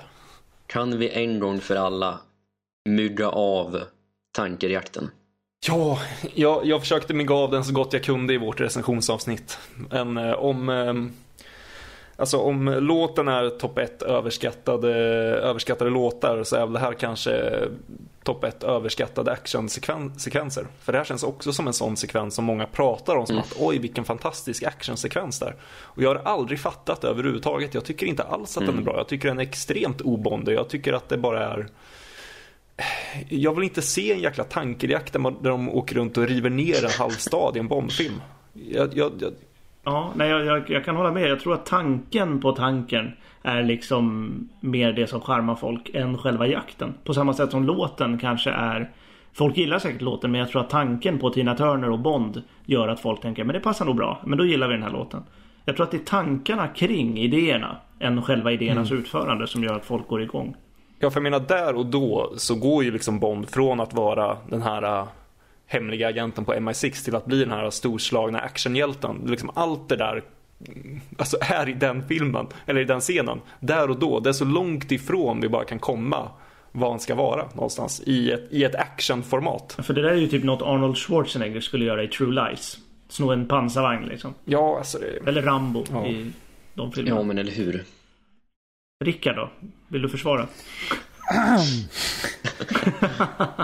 Ja, men det, det var intressant det där som du sa Otto om eh, att folk går igång på idén mer än utförandet. Jag är ju tvärtom, för alltså, som idé så är den helt befängd. Jag skulle aldrig själv komma på att plocka in den idén om jag själv gjorde en Bondfilm. Men när jag väl sitter och tittar på filmen så tycker jag att det är det är en snygg actionsekvens. Den är, det är bra. Jag, jag, jag gillar den. Och jag håller liksom, jag kan inte argumentera emot Emils argument att det här ska inte Bond hålla på med. Det är svinkonstigt. Men det, det är någonting med just den sekvensen som det kanske ändå är nostalgi för mig. För att jag reflekterar liksom inte över det här att han förstör en, en stad. För det är helt sjukt som han bränner runt där. Men det är bara en nostalgi. Ett så härligt minne när man såg den här filmen när man var liten. Och man tyckte att det var skoj att Bond hittade en tanker. Ja. Och typ dödar lite polis, oskyldiga poliser här och där. Ja. Men alltså grejen är, jag har, jag har ju jag har i regel inte haft några problem med liksom Bond. Jag har alltid tyckt, jag har alltid reflekterat även när det gäller typ rymden i Moonraker. Jag tycker det är som det är. Men jag har aldrig haft några problem med, med liksom de sakerna. Eh, just att eh, Bond gör det som krävs för att uppdraget ska slutföras. Ehm, just i själva filmens kontext har jag inga problem med det. Sen kan jag ju tycka att ja, men Bond kanske inte ska vara i rymden. Men, eller köra pansarvagn för den delen. Men just Ja men blir han tvungen att åka upp i rymden för att stoppa skurken så får han göra det liksom. Då kan jag säga att jag har mycket, mycket mindre problem med rymden. För att då är det, kan man köpa idén av att eh, inom filmens kontext att en eh, skurk bygger upp ett eget rymdprogram. Och eh, ska skicka upp några, vet det, eh, rymdfärjor. Då är det så här, ja men då kan jag köpa att Bond smyger på en. Det är så här, Eh, men att eh, köra runt med en pansarvagn i en stad då, och meja ner byggnader och människor och bilar. Då är det så här, nej, mm. fan, nej, nej, gör inte det där. Varför, varför tar han inte bara en av de bilarna som står där? Deras jävla militärjeepar eller något. Visst, det blir inte en lika rolig scen då, men... Nej, men jag hade ju hellre sett en, bil, en vanlig biljakt i, i sådana fall. Um, jag vet inte riktigt om det är så jättesubtilt av Bond att meja igenom en en vägg. Visst, det kanske var det som krävdes där och då, men eh, jag sådär lite... Jag, jag har svårt för hela, hela idén. Ja, men jag håller med både dig och Rickard egentligen. Alltså jag, som sagt, när det väl händer som Rickard säger så dras jag med. Men och som idé så är det ju mera så här. Alltså nej, jag tycker inte han ska göra det. Men, men det är ju det som krävs bevisligen liksom. Ja, alltså man kan man kan säga så här, hade han gjort så här att han typ hade, jag har ingen aning om hur eh, pansarvagnar funkar och eh, i film kan man göra vad fan som helst så låt säga att det går att göra så här men att han hoppar ner i pansarvagnen, drar igång den, skickar den mot väggen, åker genom väggen och sen typ hoppar ur den. Bara för att ta sig igenom muren ja. Mm, exakt ja. Exakt, för att ta sig därifrån. Då hade jag köpt den. Men sen när han liksom bara riv, river halva stan. Och sen dessutom kommer undan med Han bara glider runt där med pansarvagnen lite senare Gl som om så här, ingenting har hänt. Glider helt ostört in på ett spår bara ja, där. Det, man vill ju, här vill man ju ha en liksom spin-off på efterspelet. MI6 får ett samtal från ryska konsulatet. Du, vi har lite städning att göra i Sankt Petersburg. Kan ni, kan ni skicka någon eller? Nej, men jag tänker också att det roligaste är ju när han smyger på dem när de tar, när de tar ombord Natalia på eh, pansartåget. Och han, så smy, han kör så här, man ser honom rulla långsamt fram där uppe. Som att, som att det är någon liten hommage till Goldfinger när han står med DB5 där på natten och tittar ut och smyger. Alltså så här, Han åker fram där som att han är världens så här pansarbeklädda permobil typ. Han kör lite casual drive-by med en stridsvagn. Ja men hur fan hör man inte att det kommer en jävla pansarvagn där uppe med så här larvfötter och grejer. Det är omöjligt ju. Ja det är det faktiskt. Det är konstigt faktiskt. Han sitter där och så tittar upp genom hålet och åker, åker och tittar ner på. Jag har alltid reflekterat över det. Varför åker han? Är det ingen som tänker på att här kommer en pansarvagn? Alltså sen när han är ute efter det har hänt. När han liksom åker iväg. Som att han är ute och nöjeskör med sin pansarvagn liksom. Känns inte helt subtilt heller att första gången Bond är i Ryssland liksom, så förstör han hela stan. Liksom, vad, vad vill E.ON säga med det liksom? Tack för att vi fick komma hit. Fuck you känner jag. Lite så. Ja, han är ju världens ohemligaste Mm. agent där och då i alla fall. Sladdar ut på en jävla storgata i Sankt Petersburg bland jultrafiken. Ja. Herregud. Nej, jag vet inte. Jag köper båda era argument men... ehm, ja, jag vet inte riktigt vad jag ville säga med det egentligen. Det finns ju mm, för övrigt en eh, direkt brygga mellan Diamonds of Forever och Goldeneye. Har ni tänkt på det? En direkt, direkt nej. brygga. Mellan Dimes Are Forever och Goldwing. Eller vad sa du? Mellan... Kan vi slänga in en faktutmaning nummer två här? Ja, lätt.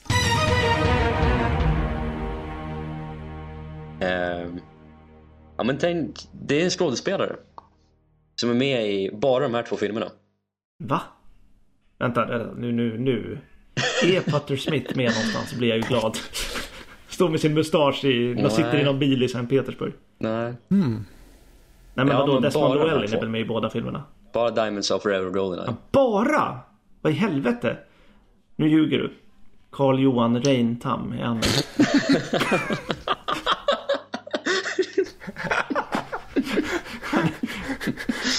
Ingen, ingen vet någonting om honom. Nej, ingen vet, vem, ingen vet referensen heller när vi säger det nu. Det är bara vi.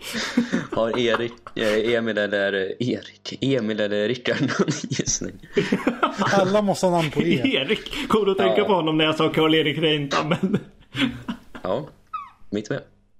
det är det. Ja. Nej, vem fan är med i båda filmerna? Nej, det här, Det här är vi känner ju till båda karaktärerna i alla fall. det här, det här är obehagligt. Ja, i alla fall den ena. Okej, jag kan säga så här att Det är den lilla killen inne på kasinot idag. Som har vuxit upp och blivit en man. Ja, det är han som är admiralen och blir dödad av Esenia. Ja. Han åkte till England för han pallar inte USA längre. Ehm, ja, i alla fall. Det är när Bond är på den här oklara basen i Nevada när han låtsas vara Klaus Herdesheimer och runt stör professor Metz. Ja. Då ser man ju den här satelliten i bakgrunden och så står det två och grejar med, här, med satelliten. Den ena av männen är ju han som sen kommer säga the counting där i slutet. Men han som sitter närmre kameran på huk han dyker upp som datakillen i Goldeneye som säljer datorer till Natalia. Va? Va? Vilken pangkarriär. Han som kommer in och stör Natalia där. Så han dyker upp ur kallsvettig i Goldeneye 24 år senare. Och han är ju typ min favoritkaraktär i den här filmen. Åh, Han kommer in och stör, stör Natalia när hon sitter och testar datorn. Ja, exakt. Goldeneye har något ändå. Ja, vet du vad han heter? Nej, ingen aning. Nej, Vad bra. skitsamma. Det ja, exakt. Fan, det där var, det piggade upp. Kul att man kan eh, lära sig något nytt fortfarande efter snart fem år. Ja, men det räddar ju inte tankejakten tyvärr. tyvärr. Jag, jag känner mig så här ganska tom på ord vad det gäller Goldeneye. Jag har, inte no, jag har ingenting konstruktivt att komma med. Nej, det har inte den filmen heller tänkte jag säga. Vilket är jävligt tråkigt när vi ska göra en podd när vi ska vara konstruktiva. Oh, för jag, jag vill, eh, då vill jag ställa en fråga. Eh, Mm. Om det... mm, Vad tror ni om min nu högst mediokra hypotes? Att Bondfilmerna med klatschiga titlar kommer per automatik att bli de som folk nämner som, eh, ja, som klassikerna. Vi har Goldfinger som är betydligt kändare än From Russia With Love. Thunderball och vi har Live and Let Die och vi har Goldeneye, Casino Royale och medan de här A View to a Kill, det är väl ingen som kommer ihåg vad det är för film. Nu kom den när den kom också, vilket vi kan spela in. Eh, du tänker Quantum of Solace? Ja, The Spy Who Loved Me. Visst, den är jättepopulär bland Bond-fans. Men om man nämner titeln så är det inte folk. Folk är lite så här, vilken var det nu igen? Men om man säger Live and Let Die. Nej, precis. Det blir så här, ja men det är den filmen med eh, han, han med ståltänderna. Ja, precis. Och samma sak, det är ingen som orkar säga On the Mercy Secret Service. Det är, så här, det, är bara, det är bara för långt. Jag tror det ligger jättemycket i det. Nej, det kan nog ligga någonting i det ändå. Det är lite som det vi pratade om i förra avsnittet där med att är Gold eller Diamond som är en titel så fastnar den. Mm, mm. exakt. Eller Pussy för den delen, det funkar också. ja, det är sant. Men det är ju Octopus är ju en sån titel som man ändå, den, den slänger man sig ju med. Liksom. Ja, men det är inte många som kommer ihåg själva filmen i sig. Ja, jo, ja. Men det är intressant för jag menar, det är egentligen inte så konstigt. Vi har 24 filmer i hela serien. De flesta har inte sett alla filmer. Så när det där obligatoriska bondsamtalet någon gång kommer på någon middag. Då måste man dra någonting ur hatten och då nämner man dem som man kommer ihåg. Och då är det ju Goldfinger som fastnar och det är Goldeneye. Och... Oh, jäklar. Det där sa någonting. Det har inte jag tänkt på förut. Jävlar, nu föll poletten på plats. Vilka filmer man drar upp först när man själv ska börja referera Bond-serien. Det är ju de filmerna. Inte drar man upp From Russia With Love direkt. Ja, dels det, men också när folk... Eh, nej, den här filmen Secret Service, oh vad bra den är. Då framstår man ju som jag, lite borta. Jag, jag har svårt att relatera till det eh, på det här sättet från mitt egna håll. Nej, men jag försöker tänka ur så, folk som inte är fans. Ja, alltså när, när, det kommer till rent allmänt så är det ju definitivt så. Jag menar, mm. det är ju catchiga titlar eh, fastnar. Mm. Hur många kan egentligen Ronaldos fulla namn? Ronaldo är ju ett svinbra namn. Ja, precis. Som sätter sig i folk. Mm. Goldeneye är ett svinbra namn. Det sätter sig i folk. Tomorrow Never Dies, eh, nej. Nej, The World Is Not Enough, nej. Den är i och för sig bra tycker jag, men rent gemene manmässigt är den ju inte det. Ja, nej precis. Det är liksom när, när allmänna, allmänna publiken ska sitta där på middagen och försöka och dra fram det om Bond som de kan ur hatten så ligger ju de korta exakt korta, liksom catchiga titlarna väldigt nära till hans. Mm. Och en catchy, klatschig titel tillsammans med en liksom klassisk stor hitlåt tror jag är det som folk först eh, kommer att tänka på med en Bondfilm. Och det, jag, tror, jag tror att fortfarande så kommer det Goldfinger och Live Let Die som kommer att, kanske till och med att Skyfall ska vara med där, som kommer leva kvar som de stora Bondfilmerna. För att de, på grund av de här liksom hitsta, ikonstatusen som just låtarna har tillsammans med de här titlarna som ingen kan glömma. Så kommer de alltid att finnas kvar i folks medvetande. Mm. Mm. Jävligt skarp spaning faktiskt. Ja, verkligen. Medans, ja, medans Goldeneye har inte en låt som folk riktigt minns. Därför kanske den också har falnat lite. Nu är det inte så enkelt att det bara är därför såklart, men ja, ni fattar. Den spelas fortfarande på P4 Jämtland ganska ofta, vilket skrämmer mig lite. Ja, det gör den. Men har inte typ Thomas Drugg sagt... Ja. Thomas, jo! Thomas Drugg har en gång i P4 Jämtland i ett, i ett, ja, jag vet inte vad han skulle prata om, något om Bond. Jag kommer inte ihåg vilket sammanhang. Då fick han önska en låt. Då valde han Goldeneye. Gjorde han det? Ja, och det är kanske 15 år sedan eller något. Jävlar. Ja, då har den fastnat i CD-spelaren bara. De får inte ut den.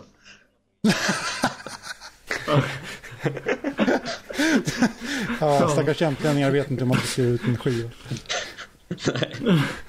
Thomas Drugg kan vi säga är inte 80-talist eller 70-talist för den delen heller. Nej. Men, eh, nej men det ligger nog något i det. Alltså klatschiga titlar mm. överhuvudtaget menar jag. Det behöver inte vara Bond-sammanhang just men det känns som att något som är lätt att säga, något som är klatschigt och liksom man gillar ju att säga Zinedine Zidane men man gillar ju kanske inte att säga Goran Pandev lika mycket. det, det, det ligger ju ändå någonting i det. Liksom där. Jag, jag älskar Goran Pandev. Jo, jo, såklart. Det, det var ett dåligt exempel men något riktigt så här tråkigt namn. Marcus Karlsson. Det är inte så kul. Men det är ju det. Nej, det ska, va? Ska, Vem är det? Va? Förlåt? Det ska ha ett... Marcus eh, Karlsson. Marcus Karlsson var mittback i Djurgården 2002. Kan vara därför han inte är lika känd som Zidane också. nej, nej, det är sant. Men namnmässigt är det ju inte nej, en star quality player, Marcus Karlsson i förhållande till Zinedine Zidane. Ja. På samma sätt som Goldfinger kanske sticker ut lite mer än Quantum of Solace. Ja, men det är ju som hur eh, Fredrik blev Freddy i England. Och det bara satte sig Freddie Youngberg. Exakt. Jo, men det är, jag, tror, jag tror mycket på det där. Alltså, det har väl med branding att göra överhuvudtaget, men att... Jag menar... Ja, det, det, det ligger nog något i det. Och det är enklare att säga Goldfinger också än fulla titeln, som jag inte vill säga här. Vet någon om Goldeneye alltid hette Goldeneye eller om den någon gång tidigare i manuset hette någonting annat? Mm. Förutom Property of a Lady då, men då var det en helt annan film. Det var ju Daltons 3, precis. Eh, jag har, jag har aldrig sett på något annat, jag har bara sett typ något Bond 17 Draft. Mm. Och Goldeneye. Jo, det, är det, det är ju en klockren titel om man tänker så. Ja, verkligen. Mm. Att plocka någonting från Flemings värld. Fast de visste att de inte skulle göra en Fleming-film per, per se. Mm. Så är det ju en mm. snygg hommage. Absolut. Verkligen. Det var ju som Michael Wilson sa, de har inte haft en titel på 20 år nästan. Så att det var ju... oh, herregud. Börjar bli, börjar bli gaggig. För övrigt så är ju behind the scenes materialet till Goldeneye bland det bästa. Om, om jag känner noll för Goldeneye som film så känner jag allt för extra materialet till den här filmen. Ja, det gör man verkligen. När Brosnan står i, i Monte Carlo med sina, sol, sina Ray-Bans och perfekt tillkammat hår och står solar med armarna i kors och säger Berättar du vad... I fregatten där ja. Ja, och berättar vad Martin Campbell mm. sa till honom första dagen. Brosnan, sharp as a knife, sharp as a knife Brosnan. Mm. Jag älskar det. Han, han är riktigt, riktigt energisk där då. Ja, man ser de filmar ju honom. De filmar ju Campbell när han regisserar. Han bara skriker på folk och som rycker tag i människor. Han är verkligen påtänd hela tiden. Han är ju inte en people's director, han är en action director. Mm. Samma sak med behind the scenes från Casino Real. Han bara står och skriker på Craig. Liksom. Ja. Mm. ja men det känns som att det han, han, han drar ju liksom in en energi i i det på något sätt ändå som, som finns där. Ännu mer i Casino Royale kanske men Just behind the scenes när man ser Derek Medding stå i den där 20 meter långa Severnaya miniatyren och stå och njuta där. Mm. De står och målar träd och håller på att måla på snö på de här. Det sjukaste miniatyrarbetet jag har sett. Ja. Helt galet ju. Och sen dog han. Jag rekommenderar alla att lyssna på kommentarsspåret i den här filmen för det är faktiskt riktigt bra. ja. ja men absolut. Behind the scenes på många Brosnan-filmer som hade bra behind the scenes faktiskt. Dine of the Day har ju också det otroligt bra. Ja, kanske det bästa. Ja, absolut. Sämsta filmen har det bästa behind the scenes materialet. Det är tragiskt ändå. Ja. Ja. Jag sitter och funderar över den här filmens eh, tredje akt. ja. Och jag har lite svårt att eh, sätta, det på ord, sätta det i ord, men jag blir alltid så Alltså jag brukar nästan sluta titta på filmen någonstans där i samband med strandscenen. Jag har lite svårt att sätta ord på var, varför jag inte riktigt går igång på, eh, på de sista 20-ish minuterna. Det är väl för att man inte riktigt vet vad skurken ska göra. Ja, det, är, det är märkligt för det är ju en häftig miljö med den här den stora satelliten. Men ändå så man fattar inte riktigt varför Bond är där. Han är plötsligt så är han lite mer liksom Rambo combat soldat i sina liksom, gröna kläder. Det är något som inte rimmar där. Och, sen jag kommer flygande ner från en helikopter. Det är mycket... Ja, det här är inte bra. Alltså. Och, och, den där scenen, den scenen är... Åh oh, nej, åh oh, nej. Det, det, det, är också faktiskt ett låg, lågvattenmärke i den här filmen. Jag har aldrig Nej, då, då tittar jag bort. Det blir jätte, bara jättekonstig stämning i, i den där scenen. Det är precis som du säger, det blir nästan konstig Rambo-grej. Det är som att oj, har Bond hamnat i mitt, mitten i Vietnamkriget helt plötsligt. Så, va? Så är det. Jo, men jag håller, jag håller med. Det känns som att han spelar lite som... Han spelar liksom med inga insatser alls. Som i Casino Royales pokerspel för övrigt. Men eh, han går liksom in... Vi bryr oss liksom inte om det här. Jag gör det i alla fall inte. Nej, och det blir ju, alltså, det knyter ju an till där vi egentligen sa från början med att det är problem med skurkarna och planen här. För nu har allting Okej, vi, vi har förstått att eh, eh 006 är arg, han vill hämnas. Eh, vi bryr oss inte om hans hämndmotivation överhuvudtaget. För vi, vi får bara återberätta oss för oss i en konstig scen. Okej, men då kokar det ner till planen. Nu är det The Great Showdown. Och där, man vet typ inte vad de ska göra. Man vet inte riktigt varför de ska göra det. Man vet inte riktigt hur de ska åstadkomma det. Och det har bara varit konstigt. Och sen så är det en slutfight som man bara... Vad kämpar de för? Exakt, exakt. Jag håller med. Trots att det säkert egentligen är klart. Men är, man, filmen har inte gjort speciellt mycket för att investera, investera i tittaren. Att det här faktiskt betyder någonting. Nej, sånt kan jag irritera mig på när filmskaparna bara räknar med att man är på tåget bara för att bara för att man ska vara det liksom. Fast de inte har gjort någonting för att man ska förtjäna att vara med och hänga med vad som faktiskt händer. Nej precis, det är liksom en eh, filmen vid det, de sista 20 minuterna förtjänar liksom inte min uppmärksamhet. För filmen har inte gjort någonting åt mig för att jag faktiskt ska bry mig om de där sista 20 minuterna. Jag är helt enig faktiskt. Jag tycker att det är... Mm, jag, jag minns... Det här nämnde jag nog aldrig i Goldeneye-avsnittet heller. Men jag minns att jag såg den hemma hos Hanna och Magnus, eh, familjevänner. Eh, och eh, den var på ehm, TV3 när jag var, alltså vad kan jag ha varit? Det var typ första gången jag såg den tror jag. Eller andra kanske. Och då var den på eh, trean. Det här var väl 2002 kanske? 2003? Jag vet inte, någon gång i alla fall. Och jag minns hur jävla lång jag tyckte att den var. Jag, tror, jag tyckte typ att den var uppåt fyra timmar eller något. För jag, jag satt och såg på den och bara så här. Den här tar fan aldrig slut. Och jag tyckte inte den var särskilt bra då heller. Så det var, det var så här, det kändes som, alltså den kändes jätte, jättelång. Nog, jag kanske var tio år och hade svårt att sitta still men så långt tyckte jag ju inte The Spy Loved Me var när jag såg den. Den såg jag ju tre gånger på en julafton liksom. Helt otroligt. Så att, det är lite sjukt. Ja, men, jag, jag, minns, jag minns att jag, de sista, sista två timmarna av filmen tyckte jag bara var djungel liksom. Så det var ju... Det var, det var, det var kanske, det kanske ligger något i tioåriga Ottos syn på filmen som faktiskt finns kvar nu. Ja, men den är lite märkligt långsam när den ska zooma in mot det som vi har väntat på. Och det mm är väl lite ibland ett Bondfilmsyndrom ganska ofta. Men... Ja, och någonstans så känner jag väl också det här, har vi verkligen väntat på det?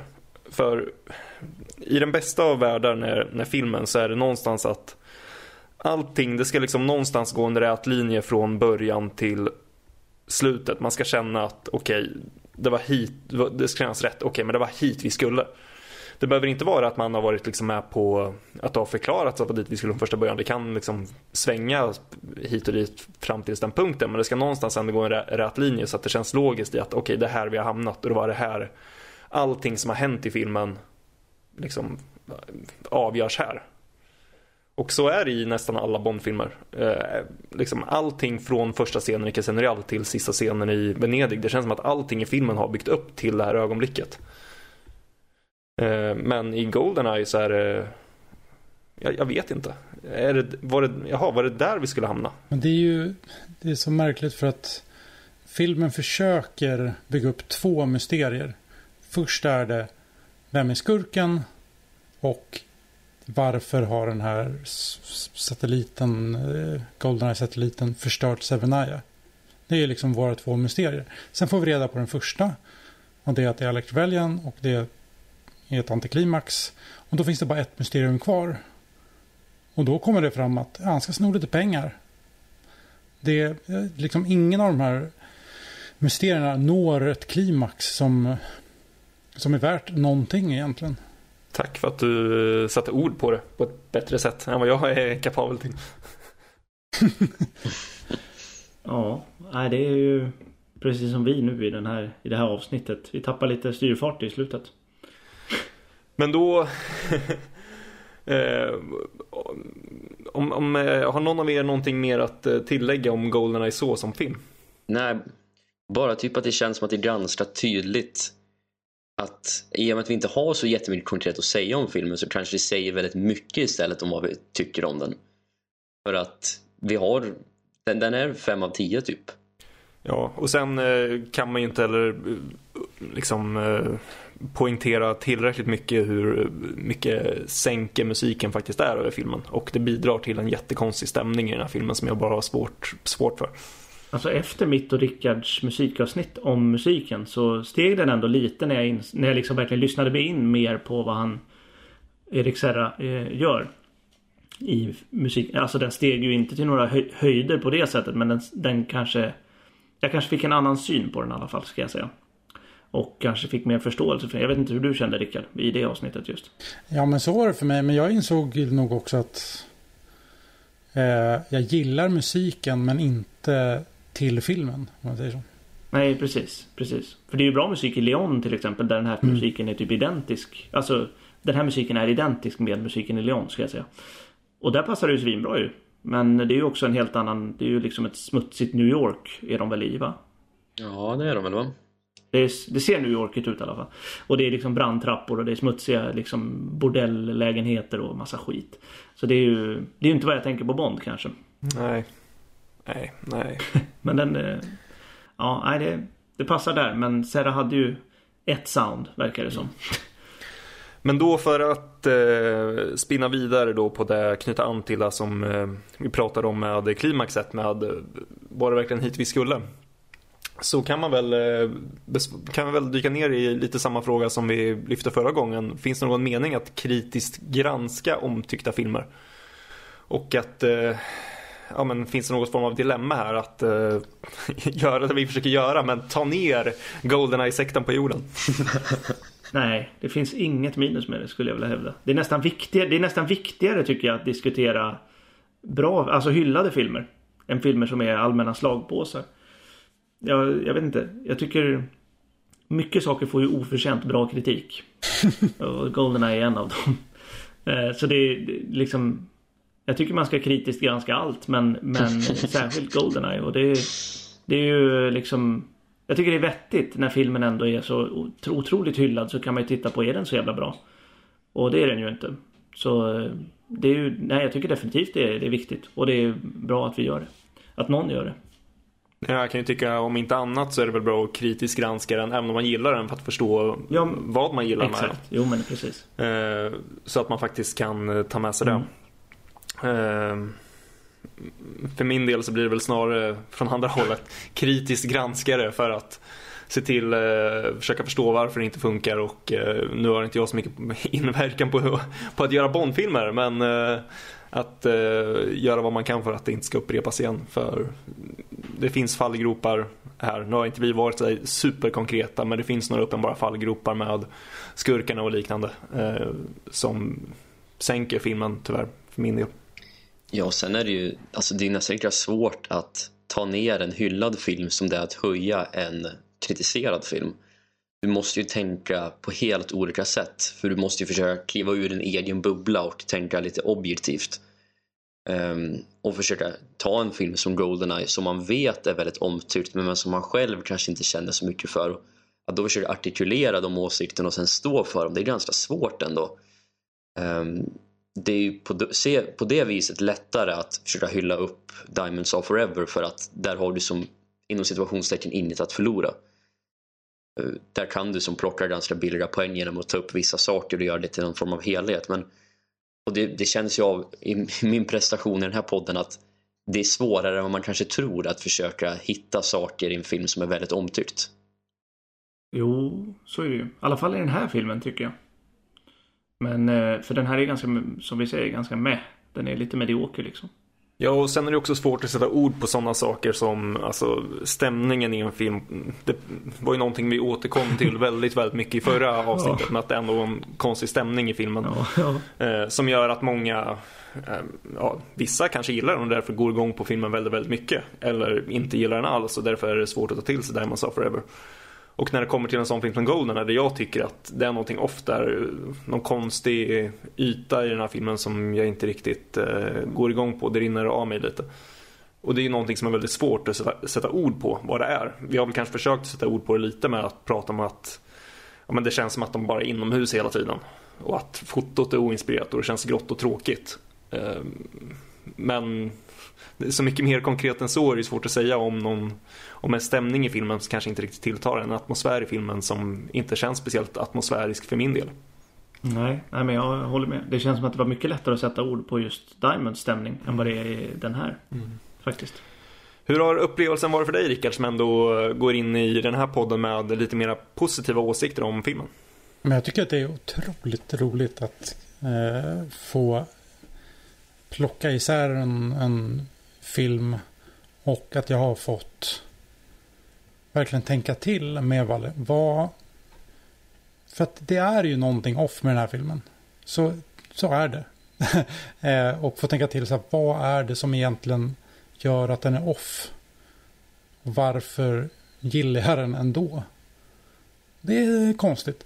Eh, men det är, och det är ju, en av de mest frustrerande liksom, grejerna är ju att gilla en film som ingen annan gillar. Det kan ju Emanuel prata länge om. oh, ja. Men det är ju... Emanuel, får hålla, Emanuel får hålla ett eget avsnitt i två timmar. Om hur det är att vara ensam. Det...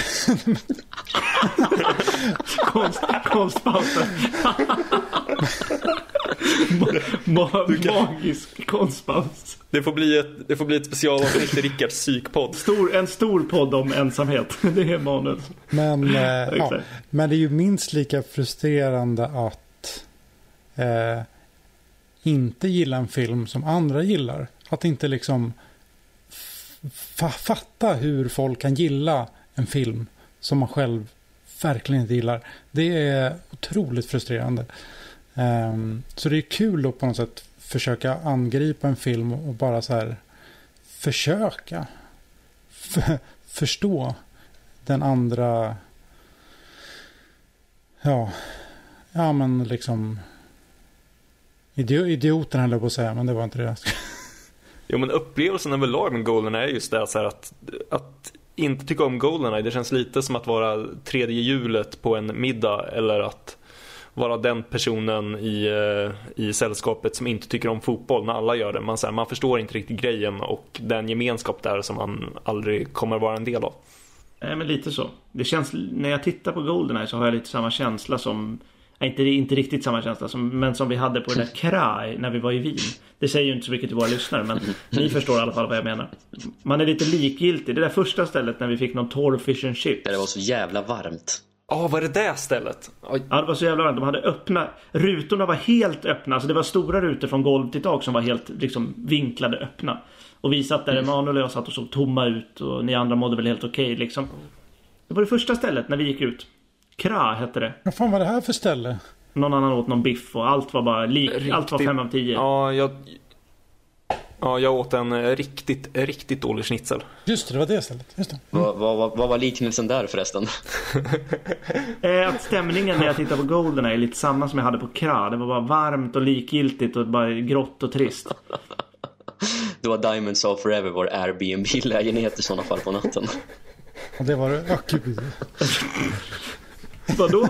Jaha, ja, ja, ja, du menar den natten. Jag tror du menar natten överlag bara i den lägenheten. Nej, var det inte... Nej, Diamonds of, Diamonds, Diamonds of Forever var när de, där, när de där snubbarna kom med en jävla matta eller vad det var och sa att de skulle prata med någon advokat eller vad det var. De knackade på. Ja, nu ringer det svaga klockor här alltså. Var det inte någon som knackade jo. på där? Och sa, vi hade pratat med ägaren, vi skulle leverera något till dig. Det är Diamonds of Forever. Ja, en madrass var det, ingen matta. Men det var så här, vi kommer med en madrass till er när ni bor i Airbnb.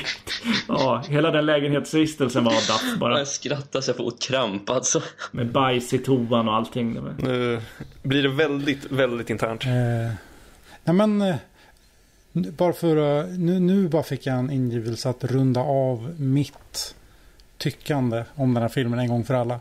Nu när... Jag trodde du sa ditt poddande. Nej, nej, nej, nej, herregud. Det är, det är starkare än någonsin skulle jag säga. Rickard lämnar podd.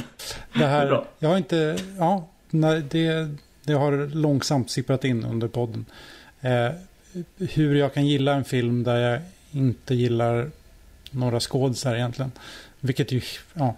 Men det var Emil som sa det alldeles nyss. Eh, det är någonting med den här filmens stämning som inte jag kan inte heller sätta fingret på det. Den är skum, men jag gillar den. Den är lite kusligt kalla kriget-kall. Vilket är konstigt för kalla kriget har ju tagit slut. Men i alla fall. Jo, absolut. Jag tycker det är mest påtagligt när han springer runt i biblioteket och han blir förhörd av... Eh, Mishkin. Eh, vad heter han? Mishkin, ja. Och allt där, där är det riktigt bra stämning. Det är lite 60-talet där till och med. Ja, faktiskt. Mm. När de åker in i det här valvet i, efter eh, statykyrkogården där. Den, det shotet gillar jag när det är natt och de åker in. Och det, det, det är fint. Ja, det är riktigt bra. Den har sina moment. Ja. Ska vi ta och eh, runda av där? Så får vi ta och eh, tacka er som lyssnar. Och tack till Thomas Drugg och eh, Anders Freid, Agent 07.nu och From Sweden with Love. Och tack till eh, Anton Lutander som klipper och såklart också tack till Lars Logotyp.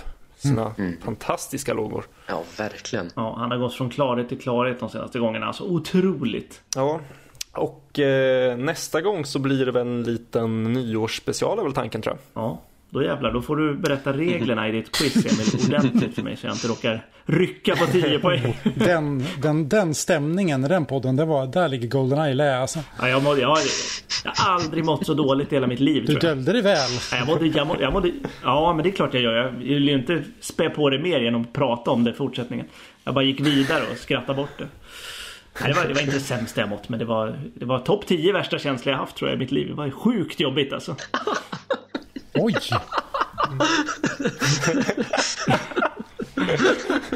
det var otroligt jobbigt. Ni fattar inte hur mycket jag skämdes alltså. Det vill vi ha en repris på om några veckor. Emil går inte igenom reglerna, vi får gissa reglerna. Exakt. Eller han säger, det, han säger det till er så att ni inte ska säga något. Så säger han det inte till mig så att jag ska kunna skämma ut mig igen. jag, jag, säger inte reglerna så skäller jag ut er när ni är fel. ja, precis. Men Otto, du skulle ju skriva sa du ju. Ja, nej men det, det blir kul. Ja, det blir kul. Men då ska vi i alla fall försöka att summera det här väldigt konstiga året. Väldigt konstiga Bondår och konstiga året överlag. Så vi får väl se. Det kommer väl dagarna innan julafton är väl tanken. Det blir det. Eh, så vi hörs då helt enkelt. Så får ni ha det så bra så länge. Ja, tack och godnatt. Ha det gött. Tja. Tjillevippen.